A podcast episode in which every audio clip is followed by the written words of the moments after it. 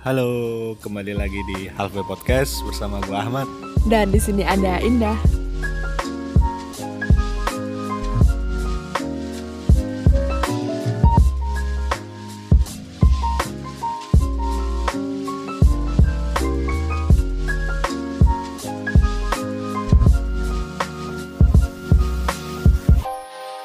Jadi dari episode pertama kemarin banyak yang komentar ya.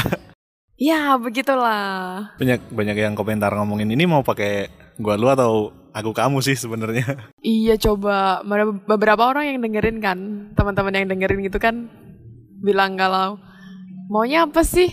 Lo gue, aku kamu, apa gimana gitu. Jadi sebenarnya gini ya, eh, kalau dari gue sih karena udah terbiasa kemarin sama teman-teman di Jakarta kan ngomongnya kan pakai lu gua. Kalau pakai aku aku kamu tuh kayak ngomong sama pacarnya aja. Ya, begitulah. Dan akunya nih, Eh. akunya kan nggak pernah keluar dari kota Jogja dan sekitarnya gitu. Heeh. Aku selalu di di daerah itu aja gitu, nggak pernah keluar yang ke kota-kota besar atau ke mana gitu, yang dengan logat lo gue lo gue gitu. ya meskipun aku nggak medok ya, Iya. tapi kayak orang yang dengerin aku tuh kayak, eh apaan sih Indah gitu. Iya, emang kayak kayaknya emang perbedaan culture ya kalau di sana tuh pakai lo gua biasa, kalau pakai aku kamu tuh lebih kayak Lebih ngomong ya, kalau nggak sweet juga ngomong lebih sopan sama orang-orang yang misalnya sama anak presiden gitu kan. Hmm. Masa gua mau ngomong kamu sama lu kan aneh. kan perbedaannya di situ. Kalau di sini malah aneh ya kalau pakai lo gua kan dianggap kayak belagu gitu kan. Iya bener dan kayak jadi apa ya? Dan lo gue kan kalau di sini jadi penekanan gitu kan. Misalnya kayak apa namanya? Apaan sih lo gitu. Hmm, jadi kesannya lebih nggak nggak sopan sama buat ngejek ngejek temen ya, gitu ya. bener bener bener. Itu sih yang aku pahami ya sebagai orang yang asli di sini. Gitu. Jadi lu tetap pakai aku kamu ya. Iyalah aku tetap pakai aku kamu aja. Aku aku tetap pakai gua lu Iya serah lo lah. biar tetap aja pakai lo. iya dan pada akhirnya tuh gini loh kayak ya emang lebih nyaman jadi diri sendiri gitu. hmm, mana yang nyaman buat Iya kayak iya ya kan awalnya kan aku berusaha untuk ya udahlah kita samain ini ya beradaptasi gitu lah ya Hmm. kita samain biar orang yang dengerin tuh nggak bingung gitu tapi, pada akhirnya eh, tapi dimaafin juga kalau misal gua juga suka keceplosan pakai aku kamu. kan ngikut kakak pakai aku kamu. ini udah pakai I and you apa ya atau ini pakai kulon dan panjenengan Aduh. Katanya nggak bisa bahasa Jawa. iya kalau sebutan mah bisa itunya Itu doang yang bisa. iya oke Oke, untuk tema kali ini kita bakal ngomongin soal apa nih hmm, mungkin yang nggak jauh-jauh dari episode pertama kali. apa tuh nggak jauh tuh Kemarin kita bahas apa sih? astaga ya, ya, ya. Oke, jadi dari episode pertama kemarin eh nggak nyangka ya banyak banyak banyak yang denger juga ternyata. ternyata ya Heeh. Padahal belum promosi gak sih? Iya, Kamu maksudnya? belum. Kan lu juga belum nggak? Atau udah? Iya teman-teman deket doang. Lihat deh ntar kalau udah dipromot ya. Jadi kemarin ada yang komen juga tentang kenapa kita bikin podcast. Dan kita tuh mau, nanti di sini mau ngomongin apa gitu. Jadi kenapa kita bikin podcast itu bermula dari obrolan kita yang gak penting? Oh nggak penting itu mah. Ya enggak penting, penting kak. Oh ya, Kan Iya. tiap kita ketemu kan Iya, obrolan- selalu ngobrolin hidup ya. Heeh, ngobrolin hal-hal yang berat kan. kan kemarin gue juga cerita tiap pulang habis ketemu kakak pasti di jalan langsung apa Pusing. namanya? Enggak, langsung in- introspeksi diri. langsung introspeksi diri kan. Langsung ini ya, refleksi ya. refleksi pijat refleksi. Maksudnya memaknai. Heeh, langsung Oh langsung God. dipikirin karena yang dibahas berat-berat gitu kan. Nah, itu daripada kita cuma Berlalu begitu saja, kayak Heeh, angin, daripada cuma kayak angin lalu kan. kayak rindu. Hah? Berlalu begitu saja. Rindu dulu kayak gitu kan. Jadi daripada nggak bermanfaat gitu, cuma gua dengerin terus gua lupain, mending eh, kita bagiin sama yang lain juga gitu di podcast gitu. Hmm, mulia sekali hati Anda. ya, tapi kalau dari sisi aku sih sebenarnya kan aku emang pengen pengen punya suatu hal gitu ya. Hmm. Ya gimana kayak eh masa kuliah terus tanpa ada sesuatu yang dihasilkan Nggak pernah ngasih value buat yang lain gitu. kayak eh fokusku ke diri sendiri sih ya. Egois. Jadi kayak apa ya? Kayak ya aku pengen bikin sesuatu hal gitu, entah ya aku pengen pengen bikin buku sih sebenarnya, tapi belum jadi-jadi gitu. Tapi ide doang sempet- gitu. nulis. Aku tuh banyak ide orangnya, punya banyak hal yang bisa dikerjakan. I have so many ideas gitu. Hmm, Kelihatan kok dari orang. Iya, banyak bermimpi ya sih orangnya. Tapi kalau untuk disuruh action itu tuh banyak ketakutan gitu kayak Hmm. Kayak misalnya udah udah mulai misalnya stepnya itu ada lima gitu. Hmm. Aku mau maju ke satu 0,9 itu aja udah mundur lagi aku nggak jadi gitu. Kalau sendirian. ya? Iya, Ya, nah, kalau kayak gitu butuh temen. makanya aku sadar diri kan kalau aku Hmm. mungkin butuh orang lain untuk kontrol gitu kayak ya kan aku kan tipikalnya ide doang Hmm. kamu tipikalnya ya langsung aja action gitu Enggak sih. oh enggak ya mikir sama juga, juga. ya Mungkin kalau di ditarik ke belakang sama sih. Gue banyak ide, tapi nggak ada yang diwujudin karena nggak ada yang apa ya? Gue tuh orangnya lebih ke bakal mewujudkan kalau itu udah terpaksa. oke Jadi butuh temen biar gue merasa bertanggung jawab. oh berarti kamu Atas- harus ada rasa tanggung jawab yang lebih gitu Ah, ini ini juga- harusnya Eh, eh, ini juga podcast jalan karena terpaksa nih, nggak enak sama kakak. Bilang terpaksa oke eh bagus lah itu itu itu salah satu manfaat ketidakenakanmu ke orang lain kan Iya, jadi Ya. dimanfaatin itu bukan sebuah kekurangan. Iya, berarti kamu menerima bagian itu sebagai bagian darimu. Ya bagus lah, bagus lah. Hmm. Hasil, oh iya, ja- jadi hasil- ini ini hasil nggak enak ini. iya. hasil hasil dari konsultasi sama kakak juga kan beberapa kali. I- iya, Hmm. iya bener juga ya. Iya terpaksa karena sudah terlanjur mengiyakan. Mm-mm. Kalau mundur lagi tuh kayak, aduh nggak enak nih sama teman sendiri kayak gini. Eh, gitu. Tapi kalau sama diri sendiri mah nggak dipikirin makanya banyak yang nggak jadi jalan. Makanya kalau orang kayak gitu perlu sharing sama temen biar ada keterpaksaan buat mewujudkan daripada Oh, tidak terwujudkan gitu. sama sekali kan Oh iya benar-benar. Berarti butuh butuh orang lain. Gak bisa sendiri kamu. nggak bisa Oh, kenapa nggak bisa sendiri? Kamu kan single sekarang.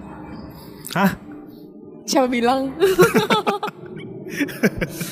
emang sih Tuh kan. Anyway, karena kamu single nih.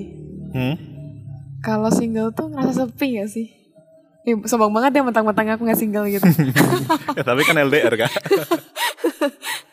kalau ngerasa sepi enggak sih udah terbiasa kali Ah, udah terbiasa dengan sepi. Heeh. nggak tahu ya eh, kalau gua mau bilang gua introvert juga aneh sih sekarang gua sering denger orang-orang pada nyebut gua introvert gua introvert jadi aneh aja Kenapa aneh?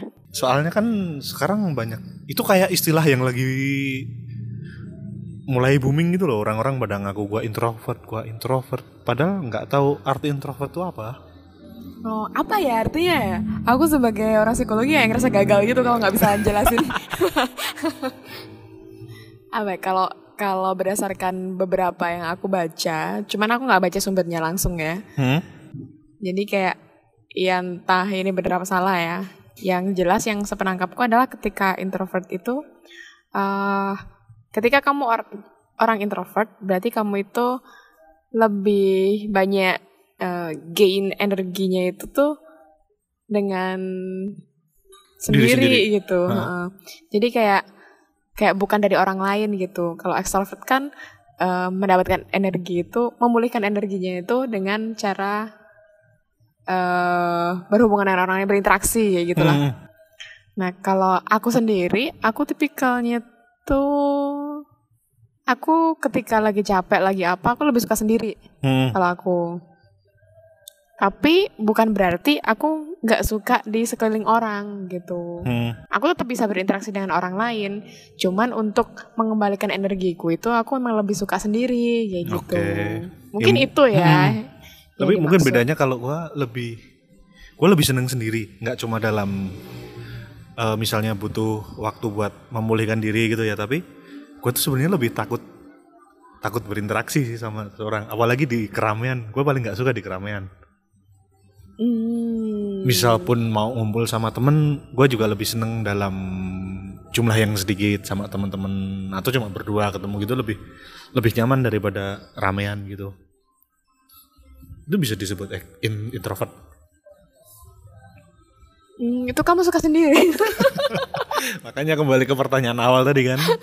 Ngerasa kesepian apa enggak? Jadi jawabannya enggak karena gua lebih senang seperti itu daripada eh, di keramaian gitu. Apalagi buat kenal orang baru tuh susah kalau gua. Pantesan aku punya pacar. Hmm. Ya tinggal pacaran sama yang udah kenal dong. Oh ya baiklah. Ada. Nggak ada. udah habis kak. Udah pada nikah gak sih? Usia-usia nikah ya? Kamu gak nikah-nikah? Ya. Jadi gitu tadi. eh, Tapi kita perlu ini sih membedakan yang namanya kayak eh, sendiri sama kesepian gitu kayak alone sama lonely gitu. emang bedanya apa tuh? Kan beda gini. Kalau kalau yang namanya alone sendiri itu kan kamu emang memilih untuk sengaja sendiri gitu. Hmm. Tapi bukan berarti kamu kesepian di situ gitu. Kan kamu emang milih sendiri gitu. Hmm. Bukan berarti kamu kesepian. Tapi kesepian itu juga bukan berarti kamu itu sendiri gitu. Pernah nggak sih kamu berada di suatu lingkungan yang banyak orang tapi kamu ngerasa kesepian? Pernah? Oh sering malah. Waduh, salah nih temanya kayaknya ya. Gimana tuh? Iya, maksudnya Jadi kayak itu kesepian ya? kayak sendiri itu belum tentu kamu kesepian. Hah. Tapi kesepian itu belum tentu belum tentu kamu tuh sendiri gitu. Oke. Jadi orang punya pasangan pun nggak nggak bisa nggak merasa kesepian ya? Ya, aku pun punya pacar juga pernah merasa kesepian gitu. Dan aku yakin banyak, maksudnya kayak se- eh, entah ya, sebagian besar orang. Aku nggak nggak ngomong semuanya sih. Aku nggak tahu apakah ada orang yang nggak pernah ngerasa sepi. Aku nggak tahu. Tapi menurutku sih kayak sebagian besar orang itu pasti pernah di suatu titik di mana dia tuh ngerasa kes- ngerasa kesepian. Hmm, Meskipun ada pasangan. Meskipun dia itu sedang berada di eh, lingkungan yang ada orangnya gitu. Kenapa bisa seperti itu? Iya. Kenapa ya? Ya rasa sepi itu kan kayak apa ya? Emang kesep kita ini dulu deh. Kesepian itu apa sih sebenarnya? Hmm, apaan? Kamu menurut kamu apa? Kesepian tuh kalau menurut gua merasa sendiri aja kan? Merasa nggak nggak punya temen, nggak ada orang lain yang bisa diajak berinteraksi atau nggak ada yang nyambung dengan kita. Kalau menurut lu gimana kak? Kayak gitu bukan? Berarti dia ngerasa sendiri, ngerasa tidak dipahami, Iya bener. ha. ngerasa misalnya Lebih ke tidak memahami dan tidak dipahami. eh, ketika aku lagi down nggak ada yang ada untukku kayak kurang kurang meaning gak sih dalam hubungan dengan orang lain mungkin ya Hmm, kayak ya nggak bermakna aja hubungannya Bener, dengan bener. orang lain jadi kayak kosong aja sepi aja gitu nah, yang kalau kesepian itu tuh emang ini sih tandanya itu ya long period gitu jadi dalam waktu lama gitu Hmm? nggak cuman yang kamu ngerasa aduh nggak ada orang lain nih buat aku nih itu doang tapi dalam waktu dua jam Hmm. sehabis itu kamu bisa cari orang lain itu itu bukan kesepian Apa tuh namanya? nggak ngerti itu namanya apa ya Eh, mungkin galau singkat kali. Galau singkat. Jadi kalau emang kesepian itu tuh setauku emang dalam waktu yang lama gitu. Kayak ngerasa sendiri, ngerasa eh, sedih kali ya. Apa sih perasaannya kalau se- kesepian tuh? Sedih. Ya ada yang kurang gitu. Ya ada yang kurang lah Hmm. pokoknya ya. Kosong gitu. Tuh. Nah kalau kesepian itu kan sebenarnya bisa terjadi di siapa pun. Ha. kalau sebenarnya kalau penelitian-penelitian tentang kesepian itu tuh dulu itu lebih banyak bahasnya tentang older people. Jadi orang-orang yang udah berumur tua Manula. gitu. Heeh. Heeh. Karena kan eh, di usia segitu kan keluarganya kan udah pada pergi tuh, anak-anaknya udah pada dewasa. Iya. Terus juga mereka udah pensiun. Hmm. Jadi kan emang eh, kesepian itu kan mungkin bisa aja lebih banyak terjadi gitu. Tapi kalau ngeliat fenomena sekarang ya, kayak kayak lingkungan kita sendiri nih. Sekarang kan eh, orang-orang kan lebih banyak tinggal di apartemen, tinggal di kota-kota besar dan Hmm. itu individualis gitu. Terus juga orang-orang fokusnya ke kerja, produktivitas kerja, terus kurang memperhatikan interaksi sosial dengan sekitarnya gitu. Gua banget tuh. Oke. Jadi berangkat kerja, pulang udah malam, ya udah gitu doang gitu kayak robot Hmm, gitu gak sih? hmm. Dan kayak kurang ada waktu untuk berinteraksi dengan orang lain di luar itu. Gitu. Nah, itu bisa aja menimbulkan kesepian. Tapi bukan berarti orang-orang kayak gitu tuh eh, selalu kesepian ya Heeh. kan dia di, di tempat kerja kan juga berinteraksi dengan orang lain dan ketika bekerja itu juga salah satu cara agar orang tidak kesepian Oke. terus kondisi apa lagi nih kira-kira yang kondisi yang itu tuh memungkinkan orang tuh bisa merasakan kesepian selain tadi ya? Selain udah usia lanjut terus kondisi sosial sekarang yang memang ya gimana ya? Kayak tuntutan ekonomi kan sekarang luar biasa nih ya. Hmm. kayak orang udah nggak mikirin lagi nih gimana interaksi dengan orang lain. Yang jelas gimana kerjaan gue selesai gimana caranya aku bisa dapat apa dapat penghasilan untuk makan untuk ini untuk ini gitu. Hmm. kayak fokus fokusnya itu lebih ke produktivitas Iya. kerja gitu. Jadi kayak basa-basi temu temen itu kan eh, lebih berkurang. Mungkin ya ini pendapat aku aja. Tuh. Terus apa lagi ya kondisi apa lagi yang kira-kira itu eh, membuat orang itu lebih besar kemungkinannya untuk mengalami kesepian Oh bisa aja tuh kehilangan orang, kehilangan orang yang dicintai, alah. Kehilangan maksudnya? Ya misalnya putus cinta ke atau mungkin Oh, ditinggalin gitu ya. atau mungkin juga bisa ditinggal meninggal salah satu. Kalau itu berarti Orang lebih dekat. ke sesuatu eh, apa? Eh, lebih ke waktu yang mendadak gitu ya. Terus tiba-tiba merasa kesepian gitu. Jadi nggak di waktu yang lama kan? Jadi ketika kehilangan seorang, Oh iya Kan itu sedih dulu loh. Ah. terus sepinya kan habis itu kan? Mm-mm. Karena nggak biasa ngerasain. Nggak, Karena biasanya ada. Biasanya kan? ada tapi nggak ada gitu. Oke. Dan mungkin ketika itu orang yang benar-benar dia cintai gitu kayak ya pasti ada sesuatu yang hilang kan di Hmm. situ. Tuh juga bisa. Terus apa lagi ya? Atau mungkin ketika pindah di suatu kota yang benar-benar kamu tuh sendiri nggak Oh, ada orang iya lain. bener. eh, Ya, ada kamu pernah ngerasainnya tuh. shock culture Iya, juga kan? heeh. kayak Heeh. "Ya, aku sendirian nih nggak ada. yang Itu kenal." biasanya paling sering dialamin ketika dari kalau kayak gua kemarin, misalnya gua kan dari lahir terus tumbuh di Jogja ya. Teman-temannya di sini banyak.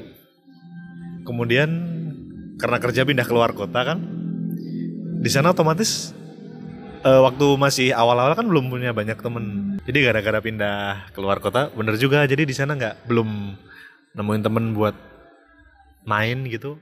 Itu juga bisa ngerasain kesepian. Hmm, ya bener kayak ada sesuatu yang hilang gitu. Heeh. Terus apa lagi ya? Mungkin ini juga sih ketika apa ya? Ketika lagi jadi misalnya ada keterbatasan fisik, misalnya sakit apa gitu. Jadi kan dia sulit untuk keluar. Misalnya dia harus perawatan, keluar dari rumah itu kan kesulitan kan. Makanya dia jarang ketemu orang gitu bisa.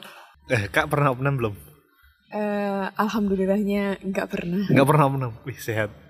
Itu bener beneran gue ngerasain kesepian waktu opnam.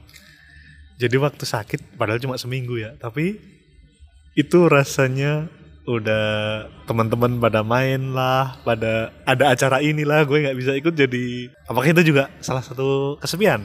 Hmm, jadi kayak ngerasa eh ya aku nggak bisa nih gitu. Hmm. Kamu nggak ada yang nemenin po di sana po? Ya ada, tapi kan nggak bisa ikut sama teman-teman yang lain. Ya gitu sih. Mungkin ini ya, apa dasarnya manusia kan ada need of belonging to others gitu. Jadi kayak Hmm. eh, kita tuh punya sense untuk apa ya? eh, kita tuh sebagai manusia kan dasarnya memang terhubung gitu, connected gitu. Makhluk sosial? Ya, kan kayak kita dulu lahir, Hmm. kita lahir terus kan kita sebagai bayi itu nggak bisa survive sendiri kan kita pasti dibantu oleh orang yang lebih dewasa daripada kita Hmm. Nah itu kan udah menunjukkan bahwa kita memang butuh orang lain gitu Sejak lahir ya.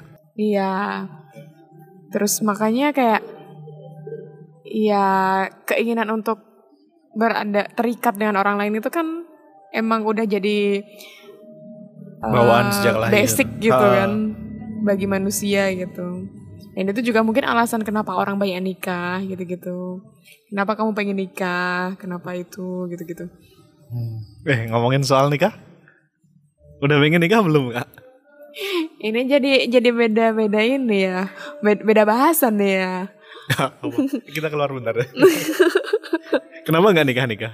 Kenapa nggak nikah-nikah? Ya emang belum waktunya aja. Padahal kan udah ada pasangan.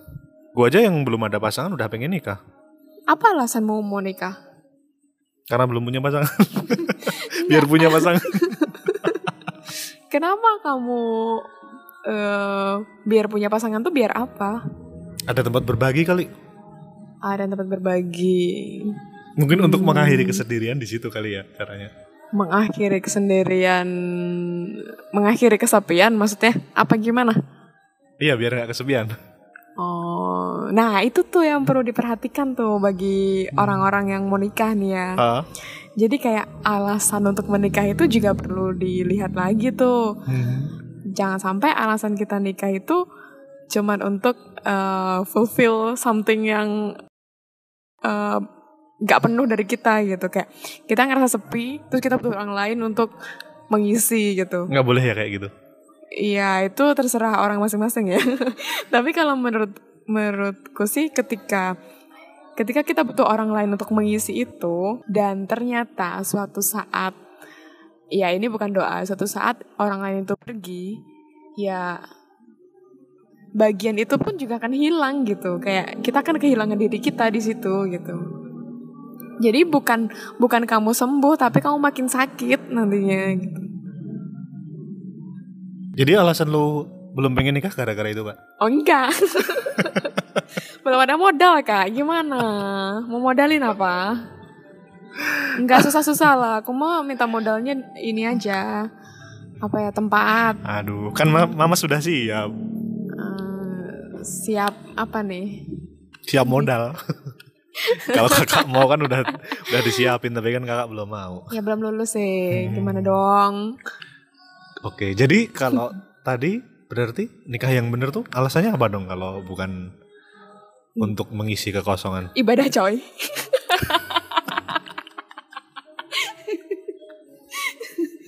Masya Allah nggak aku? Masya Allah, Subhanallah. Ya kan? Udah kejauh semuanya udah selesai kita podcast kita hari ini. Oke kita beralih aja lah ya. Jadi kita ada email nih ya. Yang kemarin sempat kita sharing nih bahwa Ah. episode kedua kita mungkin akan bahas tentang kesepian gitu Jadi udah ada beberapa temen kita yang eh, ngirim ceritanya lewat email. Kita bacain salah satu aja kali ya. Halo kak, nggak usah disebutin namaku ya. Entah ini sesuai dengan tema podcast besok atau enggak, aku pengen cerita aja.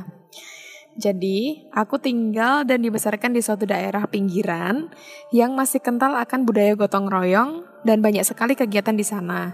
Aku nggak ada masalah dengan itu dan biasa aja ikut dan biasa aja ikut dalam setiap kegiatan di desa. Asik juga sama teman-teman. Sampai suatu saat aku kuliah dan mulai kerja sambilan. Di situ aku hampir tidak ada waktu buat bersosialisasi dan nggak bisa ikut kegiatan di desa seperti biasa karena tugas kuliah di semester 3 yang mulai menumpuk ditambah dengan kesibukan kerja sambilan yang aku jalani. Singkat cerita, suatu saat ada kesempatan aku buat ikut kegiatan lagi. Tapi di sana aku malah dicuekin dan ditinggalin setiap kali aku datang dan ikut nimbrung. Pertama, aku nggak sadar dan mungkin cuma perasaanku aja. Tapi ternyata itu terjadi berulang-ulang dan aku semakin dijauhi. Memang sih, biasanya ada punishment buat orang yang nggak pernah ikut kegiatan di desa, bahkan dikucilkan. Dan aku nggak percaya itu sekarang terjadi padaku. Teman-teman yang biasanya dekat aku pun canggung ketika aku dekati dan ku ajak ngobrol. Seperti mereka dengan terpaksa melakukannya. Di kegiatan desa berikutnya yang aku ikuti masih terjadi, dan aku mulai malas dengan drama seperti itu. Harusnya ketika ada yang jarang nongol di kegiatan, ketika dia bisa nongol itu dibaik-baikin, biar dianya kerasan. Oh ternyata serawung itu menyenangkan, biar dia nggak sungkan buat ikut keluar lagi. Kalau dijauhi, yang ada malah dia semakin enggan untuk ikut kegiatan. Dari situ aku mulai malas untuk keluar dan ikut kegiatan lagi siapa sih yang betah dijauhi kalau ikut nimbrung kalau ikut nimbrung langsung pada bubar cuma gara-gara aku nggak bisa ikut beberapa kegiatan. Dan di situ aku mulai mutusin buat ngekos menjauh dari mereka semua. Bukan aku jadi makhluk antisosial ya tapi aku malas mengikuti drama yang seperti itu. Aku mulai menikmati hidup sendiri dan hampir nggak pernah ngerasa kesepian. Apakah ini normal? Dan apakah yang aku lakukan ini benar menurut kalian? Maaf tulisannya berantakan. Terima kasih. Oke, dari Mas atau Mbak nih? Uh, gak nyebutin ya, dia gak mau disebutin. Oke, ya. kita sebut kakak aja ya. Eh, iya. Nanti sama kayak aku. Huh. Aku baru mau nyebut gue gitu, tapi gak jadi. Oke, kalau menurut lu gimana kak dari cerita tadi? Jadi kan intinya dia ngerasa, uh, kan dia di desa ya, hmm. ada kegiatan pemuda, Terus dia ser dulu sering ikut aktif, terus habis itu karena kesibukan kuliah dan lain-lain, dia jadi nggak bisa aktif. Hmm. Terus dia dijauhi sama teman-temannya. Hmm. Terus ketika dia datang lagi, teman-temannya tetap nggak apa ya, nggak ngerangkul dia. Hmm, kayak dia tadi bilang punishment gitu ya. Mm -mm. Dan emang kayaknya norma masyarakat emang kayak gitu ya hmm, ketika di, di sana kayak gitu. Ya di desaku juga kayak gitu sih. Ketika orang nggak aktif itu kayak hmm. kayak Iya. Oh, jadi terjadi di banyak orang ya kayak gini ya? Terisolasi gitu lah. Hmm, hmm. Terus pada akhirnya dia memutuskan untuk keluar ya, keluar, maksudnya uh, menghindar, menghindar, iya, iya menghindari situasi itu agar dianya merasa lebih uh, lebih tenang kali ya. Hmm. Gitu. Terus dia nanya, apakah yang dilakukan itu benar gitu? Kalau aku, kan kamu tahu, kamu kan sering menyebut aku dengan manusia egois ya. gitu ya. Jadi setuju ya Mas Dia.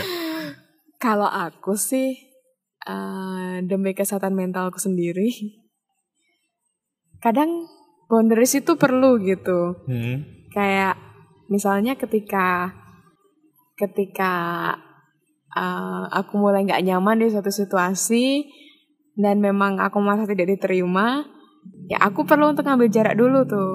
Hmm. Aku perlu ngambil jarak dan untuk untuk mengevaluasi diri dulu gitu. Kayak kayak aku bikin boundaries di antara aku dan mereka gitu dan di situ aku melakukan refleksi gitu kayak uh, kenapa ya kok aku kayak gini kok aku dijauhin gitu oh karena karena mungkin akunya jarang keluar gitu hmm. terus ketika aku nyoba keluar lagi kok tanggapan orang kayak gitu dan masih gitu. seperti itu huh?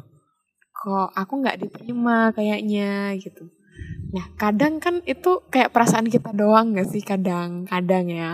Kayak akunya terlalu sungkan karena aku gak pernah keluar, makanya aku jadi menarik diri aja gitu. Hmm. Itu bisa aja terjadi kan, aku yang menarik diri. Atau memang sebenarnya mereka emang kayak gitu gitu. Okay. Jadi ada dua hal gitu, di aku atau di mereka gitu. Dan ketika dan ketika memang sebenarnya kayak aku udah berusaha untuk apa ya untuk berusaha untuk eh, tetap baik gitu, tetap menyapa, tetap ikut, tapi emang gak ditanggapin secara baik. Atau mungkin sebenarnya mereka juga bingung nanggepin aku karena aku jarang keluar gitu. Iya. Tapi ketika memang itu bagiku nggak nyaman dan itu mengganggu diriku, ya better aku keluar sih gitu. Jadi lu membenarkan juga apa yang dia aku nggak membenarkan. itu aku bilang kalau aku. Jadi kita ngomongin dari perspektif kita masing-masing aja ya. Iya. Iya. Eh tapi ada satu hal sih. Hmm. Yang di dia tadi aku ngerasa kayak apa namanya? Intinya dia kan keluar. eh, aku nggak tahu sih. Aku belum tahu usaha dia untuk memperbaiki situasi itu Hmm. seberapa lama gitu. Kayak kan emang kita butuh waktu sebenarnya untuk membuat orang eh, sadar akan kehadiran kita lagi gitu. Oh, iya benar-benar. Kayak misalnya kita cuma hadir satu kali, dua kali, kita udah ngambil kesimpulan kan Terlalu cepet ya. Terlalu cepat Oh, kan untuk menyimpulkan, gitu. oh. Ya, cuman dia nggak menyebutkan juga kan untuk Hmm. waktunya. Nah misalkan dia memang baru satu kali dua kali udah mengambil kesimpulan, ya mungkin perlu dilihat lagi nih di problemnya di dia apa di siapa gitu. Hmm. Tuh. Itu aja sih. Kalau kamu gimana menurutmu? Kalau menurut gua sih ini kalau gua jadi dia ya. Hmm. Kalau seperti itu kan sebenarnya posisinya gantung ya dia nggak tahu apa yang terjadi kan. Kan bisa juga jadi mereka mendiamkan atau mereka menjauh ketika dia datang. Itu gara-gara nggak tahu mau bahas apaan kalau deket sama lu kan sering terjadi kayak gitu juga kan. Mereka juga canggung bingung mau ngob- ngobrolin apa makanya mereka eh, lebih menjauh atau gimana gitu kan. Ya. Tapi bisa, kalau bisa. gua lebih kalau misalnya seperti itu ya, mending gua datengin, gua tanyain, lu ada masalah apa sama gua? Oke, preman Biar aja. eh, enggak, maksudnya biar jelas aja. Jelas aja kan. Kalau emang ada masalah, ah, masalahnya apa? Gua salah apa? Gua salah apa sama lu? Kalau emang nggak ada salah, kenapa kalian diem? Kan bisa dijelasin. Kalau emang ada salah ya gua minta maaf. Kalau emang mereka nggak nggak suka ya udah, gua bakal menjauh. Oke. Tapi kan clear di depan gitu loh. Nggak kalau gua bilang dia kayak gitu itu lari dari masalah sih sebenarnya nggak menghadapi masalah. Tapi gua nggak membenarkan atau mem- menyalahkan ya. Iya, iya, iya, iya, iya. Itu menurut gua aja kayak gitu. Emang gaya laki-laki ya, kayak langsung tuh poin gitu. Heeh. Apa sih kita ada masalah apa aja, sih heeh. gitu. Ya kalau aku kan beda kan pendekatannya kayak aku kok ngerasa ini ya, ngerasa ngerasa dijauhi ya sama kalian ya Heeh. gitu. Itu kan lebih enak gak sih? kayak aku kok ngerasa dijauhin ya sama kalian ya. Terus eh, emang ada apa sih yang aku tinggalkan di sini selama ini gitu? Hmm. Atau emang kalian ngerasanya gimana sih sama aku gitu? Tapi ya itu itu teori ya. Tapi ketika lu terus meninggalkan mereka dan merasa sendiri dan itu lebih baik buat lu, ya sah-sah aja sih menurut gua. Selama itu tidak selama itu tidak menyebabkan masalah yang lain buat lu dan itu membuat lu nyaman, why not kan? Yang penting mah kalau menurutku kita berperilaku itu syaratnya cuma dua. Hmm? Jangan merugikan diri sendiri dan jangan merugikan orang lain. Setuju Gitu. dah. Yang penting tidak merugikan orang lain. Tuh Tapi kalau di situ kayaknya merugikan orang lain gak sih? Kayak mereka merasa merasa ih ini orang apaan sih gitu kayak atau sebenarnya kalau ketika dia cabut orang lain merasa seneng. Nah itu yang kita nggak tahu. kalau memang seperti itu kenyataannya, mending kita cabut ya. Tapi kayaknya enggak Memberikan deh. kesenangan buat yang lain. Karena ketika ketika dia dia ada dan orang lain gak nyaman itu kan berarti kan ada suatu hal yang apa ya? Yang harusnya lo tuh ada tapi lo nggak ada gitu. Hmm, hmm. Ya apalah, ya gitulah, entahlah. Itu jawabannya ya, Oke. teman kita. Jadi silakan disimpulkan sendiri. Iya, silakan ditarik kesimpulan sendiri. Yang bagus diambil, yang nggak bagus ya dikoreksi aja gitu.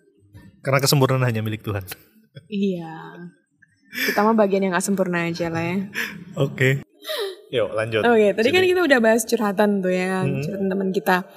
Nah, sekarang emang apa sih salahnya dengan kesepian gitu? Emang kesepian tuh bisa bikin apa sih gitu? Sampai ini harus dibahas gitu.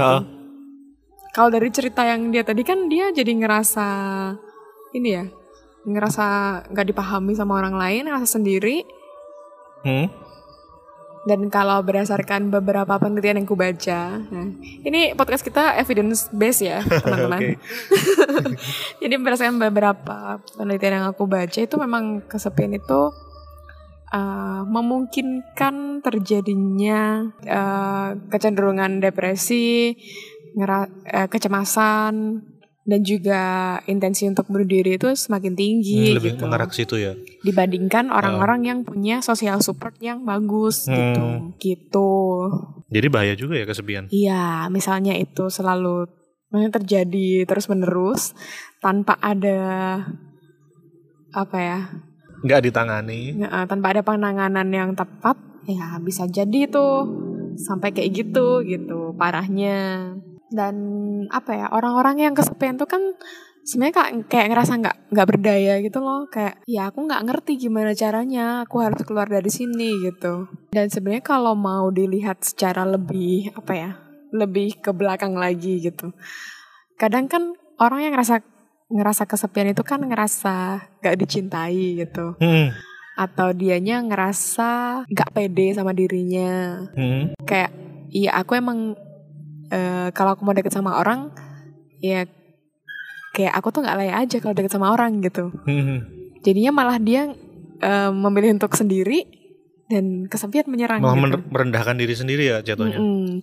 Jadi kayak dia ngerasa tidak mencintai dirinya sendiri dan juga tidak dicintai oleh orang lain gitu. Dan sebenarnya biasanya kayak gitu. Itu emang akarnya kan dari awal gitu dari Hmm.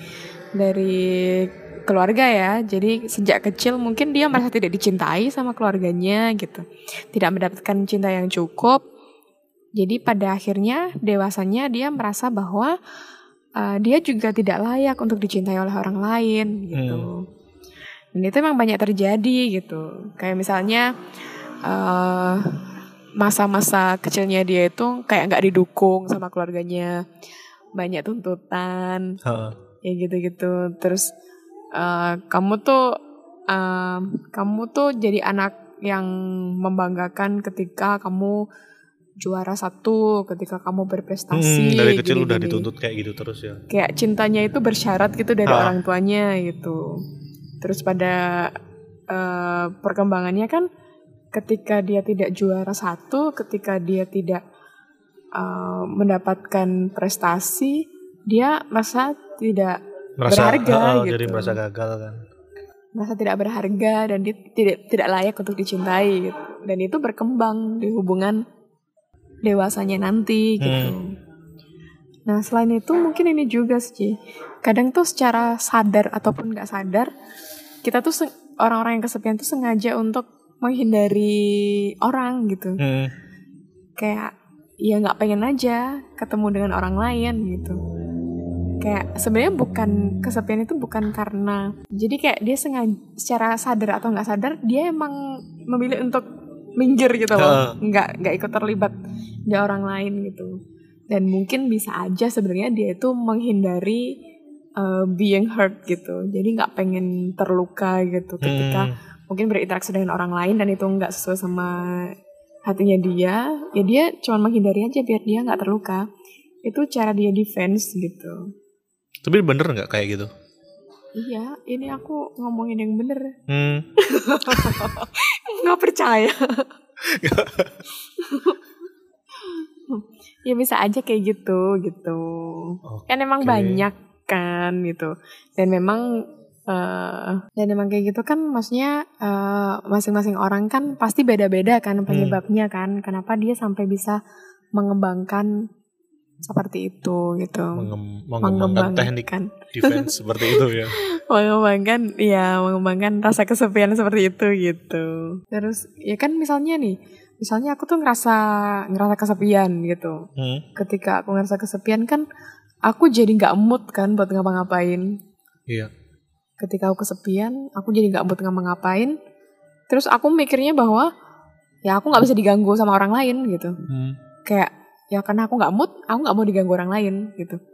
Dan ketika aku nggak mau diganggu orang lain eh kan aku berarti kan eh, sendiri tuh. Maksudnya nggak butuh orang lain tuh. Di situ energiku jadi berkurang kan. Kayak jadi lemes aja gitu. Rasanya lemes gitu terus aku narik diri dari orang lain. Dan itu siklusnya akan berulang Kayak terus gitu gitu. terus ya. Kayak punya pemikiran bahwa aku akan berinteraksi dengan orang lain ketika akunya udah siap gitu.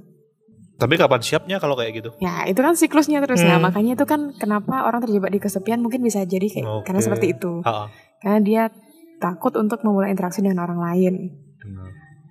Kayak Dan itu looping ya kayak gitu terus ya. Iya, itu cycle terus eh, yang berulang dan memang harus perlu perlu untuk di breakdown gitu. Hmm.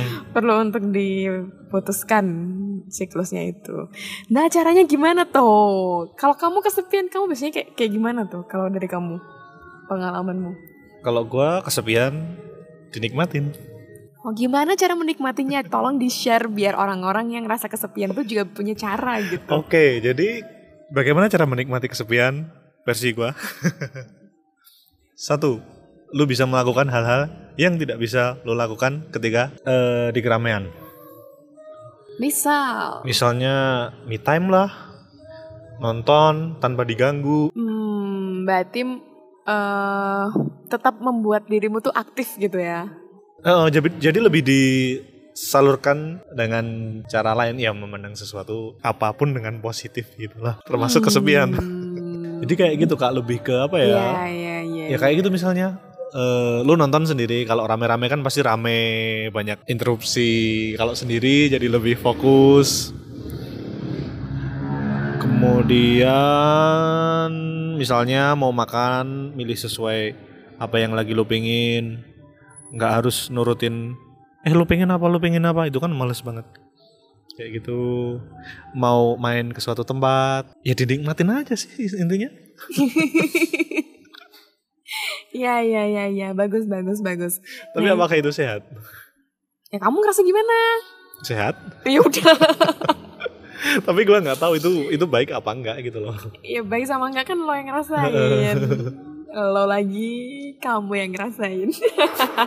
oke gitu. Jadi ya bener sih kayak kit- eh, bisa aja kan kita jadi apa tetap membiarkan diri kita tuh aktif gitu. Hmm, Jadi nggak terlarut gitu gak sih?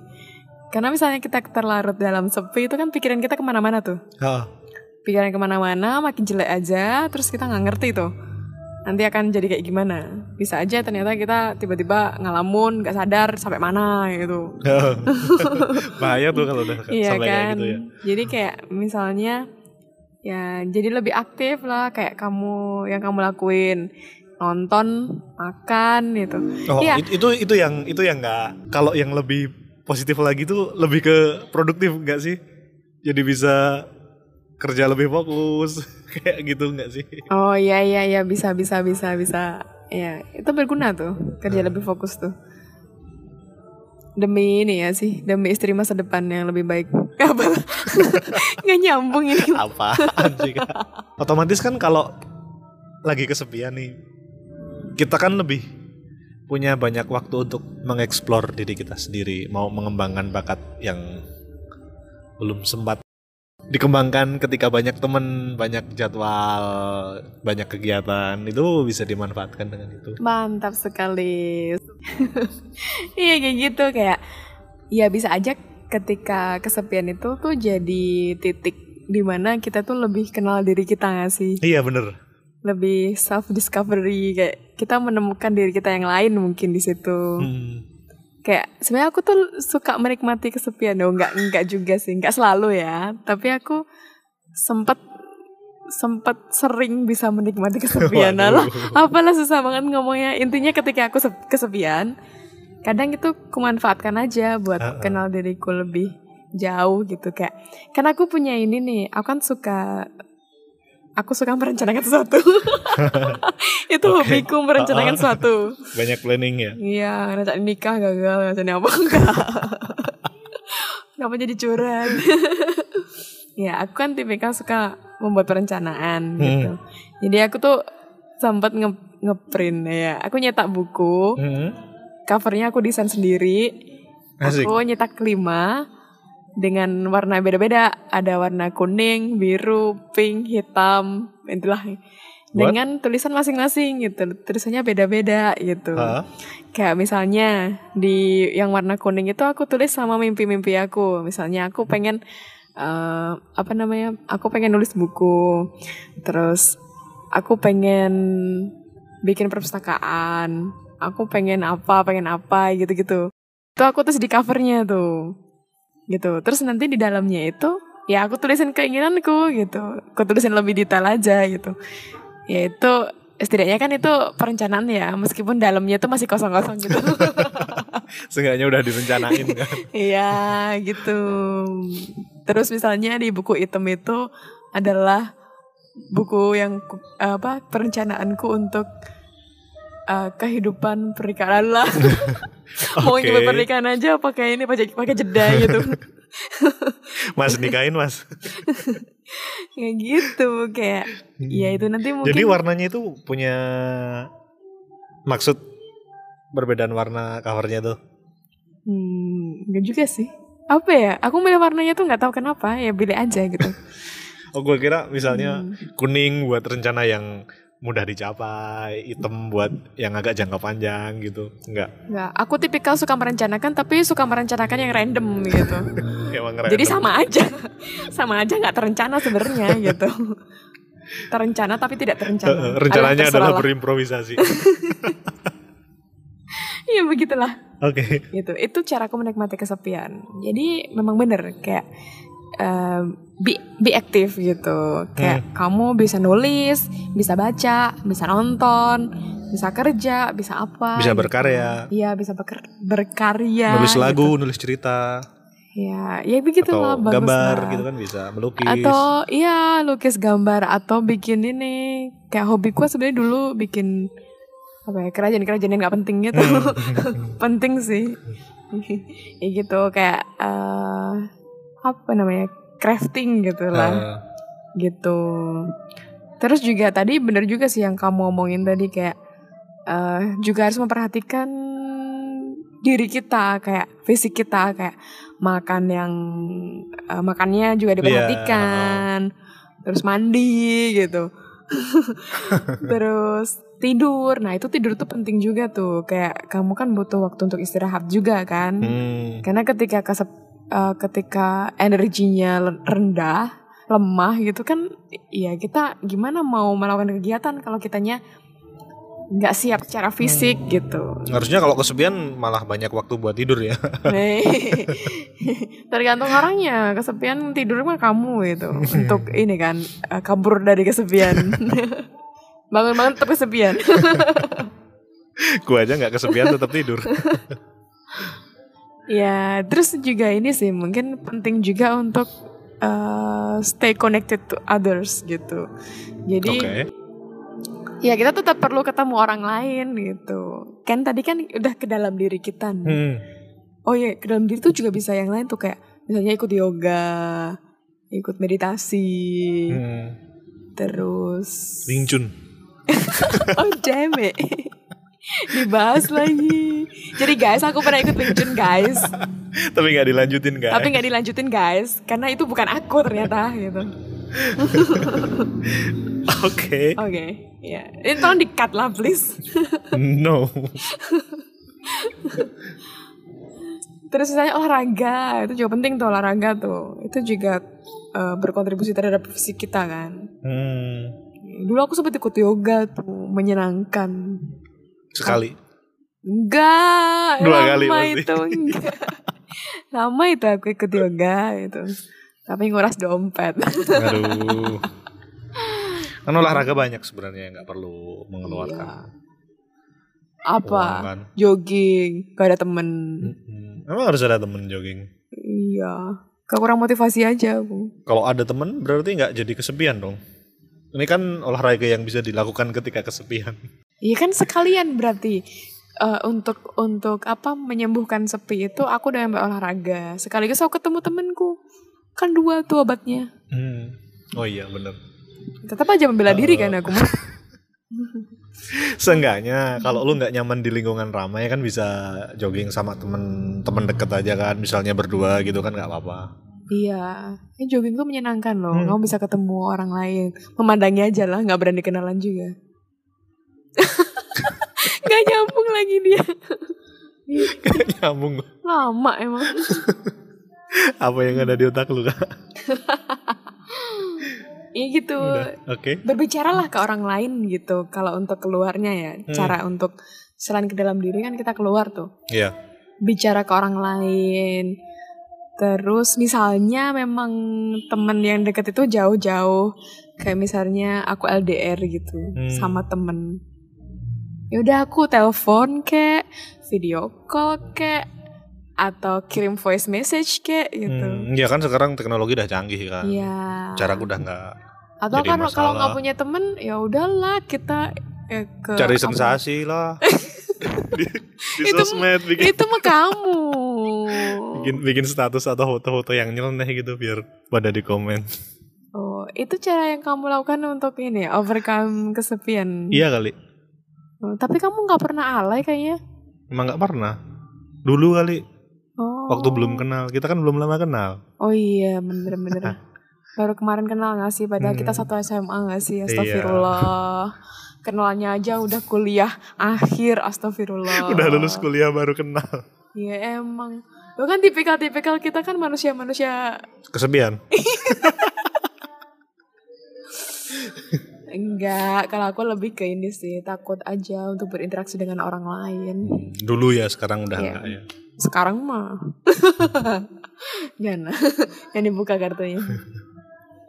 Tuh, terus kayak hal simpel sih. Aku tuh suka ini yang aku praktekkan ketika aku ngerasa aku lagi gak semangat, Hmm? ketika aku lagi ngerasa ya kayak ya pernah kan aku kayak ngerasa kosong gitu kayak ya pacar ada, temen ada, tapi kayak kosong gitu. Emang nggak bersyukur lu kak. Enggak kayak gitu coy Coba kamu kalau orang sakit asma gitu kan Hmm? Terus kamu bilang Ih kamu gak bersyukur tuh udara banyak aja kamu gak bisa bernafas gitu Bayangin kalau kamu kayak gitu gimana tuh rasanya Nah, itu kayak aku yang aku rasain ketika aku lagi kosong kesepian terus kamu bilang kamu gak Oke. bersyukur gitu. Padahal ada teman-teman, ada pacar, masih bisa ngerasain kesepian. Iya, itu kayak orang lagi asma. Ini udara tuh banyak loh. Hmm? Kenapa kamu nggak bisa bernafas? Nah itu kenapa bisa kayak gitu? Ya karena emang sakit. Gimana sih? Kesel guys. ya udah gak usah marah-marah. Jadi kadang kesepian tuh jangan dianggap remeh gitu loh. Iya nggak diamankan remeh. Heeh. Kayak ya emang itu beneran kesepian Hmm. gitu. Itu dapat menyerang kapan saja dan di mana saja. Iya gitu. Tadi aku mau ngomong apa? Oh ya ini kayak hal simpel yang kita bisa lakukan tuh kayak misalnya aku ke kampus terus aku ketemu bapak-bapak di parkiran aku bilang pagi pak gitu-gitu. Hmm. Atau ketemu mbaknya yang bersin, mari Hmm. mbak gitu-gitu. Itu kadang cheer me up gitu, biar Oke. bikin aku semangat gitu. Ketika ditanggepin. Kalau nggak ditanggepin gimana tuh? Nah tapi, tapi emang ini ketika kita kayak gitu, kita juga harus bersiap Hmm. terhadap kemungkinan yang Kalau lain. nggak ditanggepin. Kalau nggak ditanggepin. Uh, kalau gue kayak gitu biasanya kalau nyapa orang biasanya nggak ditanggepin gue gini misalnya pagi pak dia nggak nanggepin gue jawab sendiri pagi gitu. eh sama itu bagian diri kita sendiri. seenggaknya ada yang nanggepin kan Iya, karena kadang kita juga nggak bisa judgement kan ke orang lain kan. Hmm. Karena kita nggak tahu apa yang sedang terjadi di ya dia beliau lagi kan. ngapain dia Barangkali lagi abis apa yang dia rasakan Heeh, gitu kan. abis apa ya abis ada masalah apa atau apa? Jadinya beliau jadi nggak fokus nggak bisa Hmm. jawab kita. Kan kita nggak bisa judgement. Iya. Ih sombong banget orangnya. Kan kita nggak bisa kayak gitu ya. Kita kan nggak tahu suasana hatinya kayak gimana. Nah dan kita nggak tahu apa yang terjadi di beliau. Barangkali beliau juga ngerasa kesepian sebenarnya gitu. Harusnya sama-sama sapa dong. Iya. Kayak gitulah guys. Kesepian itu memang suatu hal yang lumrah sih menurutku Hmm. dialami oleh orang tapi jangan disepelekan juga Ya, dan yang penting adalah bagi kita-kita yang sadar ketika ada teman kita yang kayak ngerasa beda aja gitu. Hah? Kayak misalnya tiba-tiba kok dia biasanya rame tapi diem gitu. Itu tolong diperhatikan. Nah itu bisa diperhatikan tuh kayak misalnya kamu apa kabar hari ini gitu. Cuaca hari ini cerah ya gitu. Masa masih macam apa itu? tapi ja- tapi jangan langsung dibilang Hmm. kamu lagi ini po, lagi Iya, oh, jangan jangan langsung menjudge. judgment. Iya, Nah, jangan. karena judgment itu adalah apa senjata paling mematikan Hmm. yang tanpa disadari itu emang ya gimana ya bulian bully kan bisa Ah. bikin orang bodoh diri atau apa gitu. Hmm. Itu karena mulut mulut manusia yang tidak terkontrol gitu. Hmm. Perjalanan ke dalam dan juga keluar gitu. Oke. Dan kesepian itu jangan ditolak lah kayak nggak usah nggak usah sok-sokan ya aku nggak pernah ngerasa sepi sih gitu Hmm. aku mah orangnya kayak gini nggak usah kayak gitulah gitu Gak usah sosokan ya. iya kayak iya sepi itu kan memang bisa dialami siapa saja dan ya itu hal yang bisa aja terjadi gitu Gak usah kayak, gengsi dan gak usah malu mengakuin itu. Heeh, kayak diterima aja iya emang aku lagi kesepian nih oh berarti aku butuh apa nih ketika aku kesepian Hmm. Oh ternyata aku butuh telepon temanku. Oh ternyata aku butuh untuk eh, nulis sesuatu hal. Hmm. Ternyata aku butuh ini gitu. Jadi juga jangan jangan berhenti cuman sampai eh, aku sepian dah gitu. You have to do something gitu. Hmm. Gitu. Cari jalan keluarnya lah. Jangan Iya. cuma sadar doang. Iya, setidaknya tapi menerima dulu lah gitu kayak. Oke. Iya, aku lagi kesepian nih. Oh ternyata kamu kesepian karena aku tuh takut berinteraksi dengan orang lain gitu. Hmm. Terus gimana ya caranya biar aku bisa mulai berani untuk interaksi ke orang lain gitu? Hmm. Ya kayak gitu, kayak misalnya tadi aku bilang kan, "Eh, halo pak, selamat pagi gitu, Hmm. mari mbak gitu. Itu kan cara awal nggak sih buat kita lebih bisa basa-basi sama Iya. orang lain gitu? Buat membuka pintu Iya. komunikasi untuk selanjutnya gitu ya. Iya. Nggak usah muluk-muluk kan kita kesepian, aku takut berinteraksi dengan orang lain, aku harus bisa berinteraksi dengan orang lain. Hmm. Mulai aja dulu dari yang kecil. Iya, mulai aja dengan nyapa, hai, gitu. Atau senyum doang gitu. Hmm. Itu udah komunikasi loh gitu. Ya, itu cara-cara hal sederhana yang mungkin jarang kita sadari gitu. Hmm. Kamu pernah disenyumin orang gak sih di jalan gitu? Atau nggak sengaja ketemu dia senyum sama kamu? Gak pernah.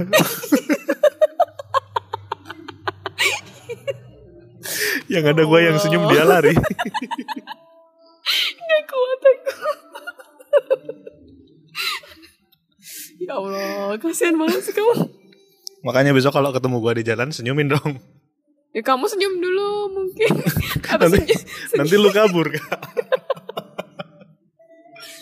senyummu emang kayak gimana sih? aduh, aduh, aduh, aduh. Karena sebagai orang yang pernah itu. kayak beberapa kali tuh kayak ya kayak ada orang senyum tanpa alasan gitu ke aku Hmm. gitu. Kadang ngerasa ini orang kenapa gitu, tapi seneng gitu. Hmm. Kayak ketika dia senyum kan kita otomatis jadi senyum gak sih? Iya. Ya, itu artinya menularkan kebahagiaan. Oke. Jadi kayak ya udah kayak mulai aja dari hal-hal yang sederhana kayak gitu gitu. Oke. Nanti dari sini sampai kontrakan gue bakal senyum-senyum. Itu menyiramin. itu mau bikin orang kabur, pantesan orang kabur ketika kamu senyum. gitu. Atau sebenarnya orang tuh mau senyum sama kamu tapi kamunya tampangnya serem jadinya orang nggak jadi senyum. hmm, bisa jadi. Biasanya kamu sosokan gitu kan orangnya kan. Hmm. Jadi kayak sungkan. Anjir. nah, tadi kan kita melakukan hal kecil gitu ya. Hmm. Itu yang bisa kita lakukan untuk eh, membantu kita lebih apa ya, lebih punya koneksi dengan orang lain Oh, gitu. Dan juga ada hal penting juga sih bagi bagi apa ya teman-teman yang mendengarkan ini semua gitu dan mungkin akan membentuk keluarga baru gitu Alah. Asik. Jadi kayak memang penting banget gitu eh, pendidikan apa ya membentuk keluarga itu kan bukan hal yang mudah gitu dan itu memang harus dipersiapkan gitu karena gini jadi penting banget bagi calon-calon orang tua buat lebih memperhatikan lagi tentang apa ya tentang cinta dan kasih sayang yang unconditional gitu, yang tidak bersyarat gitu. Itu kenapa penting? Karena kadang kan ketika punya anak, mungkin ya aku juga belum pernah punya anak nih ya. Ah, Kayak ketika punya anak kan pasti ada harapan tuh. Aku berharap anakku gini gini gini. hmm. Nah, itu coba untuk dilihat lagi tuh bahwa memang eh, anak-anak tuh berbeda tuh dengan kita. Jadi jangan sampai dia tuh jadi penerus cita-cita kita. Misalnya, aku pengen jadi dokter, tapi aku nggak kesampaian, tapi aku masuknya psikologi gitu. Hmm. Terus aku berharap anakku jadi dokter gitu. Gak boleh. Nah, padahal kan kita nggak tahu tuh dia pengennya apa Hmm. gitu-gitu. Nah, misalnya kita sampai nuntut nuntut apa namanya? nuntut anak untuk kayak gitu. Kadang kan mereka ngerasa nggak diterima, ngerasa ih aku aja sama apa ya? lingkungan pertama aku aja aku nggak diterima gitu. Padahal Keluarga kan ya lingkungan keluarga itu pertama. kan sangat penting kan Iya. membentuk membentuk anak ke depan kan ke depannya kan gimana ketika dia ngerasa nggak diterima dan ngerasa dia mungkin kayak ya rasanya sepi aja kayak kosong aja di keluarga nggak nggak kayak nggak ada maknanya aja interaksi sama rumah gitu Cari pelarian ya kalau kayak gitu ya. dia kan cari pelarian itu di luar gitu kayak butuh tempat di mana dia bisa diterima gitu nah bahayanya tuh di situ sebenarnya ketika dia menemukan oh ternyata teman-temanku nih bisa memberiku memberiku kenyamanan Lebih nyaman mendengarkan eh, aku daripada di keluarga gitu ya. Heeh. nah itu kalau dapat teman baik tapi kalau ternyata teman-temannya adalah orang yang sama kayak dia Hmm. kan biasanya mereka kan berontak tuh Iya. gitu. Nah, bisa aja mungkin efeknya ke mungkin obat atau perilaku perilaku menyimpang lainnya kayak mungkin kelitih dan lain-lain. Apaan kelitih? Ini fenomena kelitih yang di sini yang di Jogja Oh, itu geng yang geng belajar itu ya, ya. yang dia ba- Tawuran gitu ya. bacok-bacok gitu-gitu kayak ya itu juga perlu dilihat lagi tuh Hmm. akarnya kan pasti keluarga. Bener-bener. Mungkin itu bisa jadi sebuah ekspresi dari kesepian di keluarga itu ya. Iya. Dia mencari pelampiasan yang lain. cari sensasi, cari perhatian Hmm. di luar gitu-gitu. Itu ekstrim mah itu mah. Iya, iya itu ekstrimnya sampai kayak gitu gitu. Makanya kayak ya penting banget tuh kita buat belajar sebelum kita jadi orang tua gitu. Bener. Meskipun nggak akan pernah jadi or- orang tua yang sempurna gitu. Oke. Karena itu nggak ada gitu. Pasti ada cacatnya gitu. Karena manusia nggak ada yang sempurna. Iya. Tapi sebisa mungkin ya yang penting kita mengusahakan yang terbaik gitu. Hmm. Gitu aja sih. Kayak ini berat banget gak sih pembahasannya? Iya. Semakin malam semakin berat. Teman-teman itu tadi kita bercuap-cuap tentang Kesepian. kesepian. The art of Hmm. loneliness gitu. Jadi besok episode ketiga kita bakal bahas apa? Tentang being single. Wah berat. Oke itu Ya. tema kita untuk episode Iya, depan. karena- Kalau ada teman-teman yang punya cerita boleh kirim Ha-ha. via email ya. Iya. Emailnya ada di Instagram kita Halfway Podcast. Tolong di follow. Terus di follow juga Spotify-nya dan di subscribe di Apple Podcast-nya. banyak maunya. Banyak maunya. Iya kan tau lah banyak ide banyak mau banyak rencana. ide aja banyak Tolong dibantu kakak saya yang satu ini ya teman-teman. biar lebih sehat ya teman-teman. ya begitulah.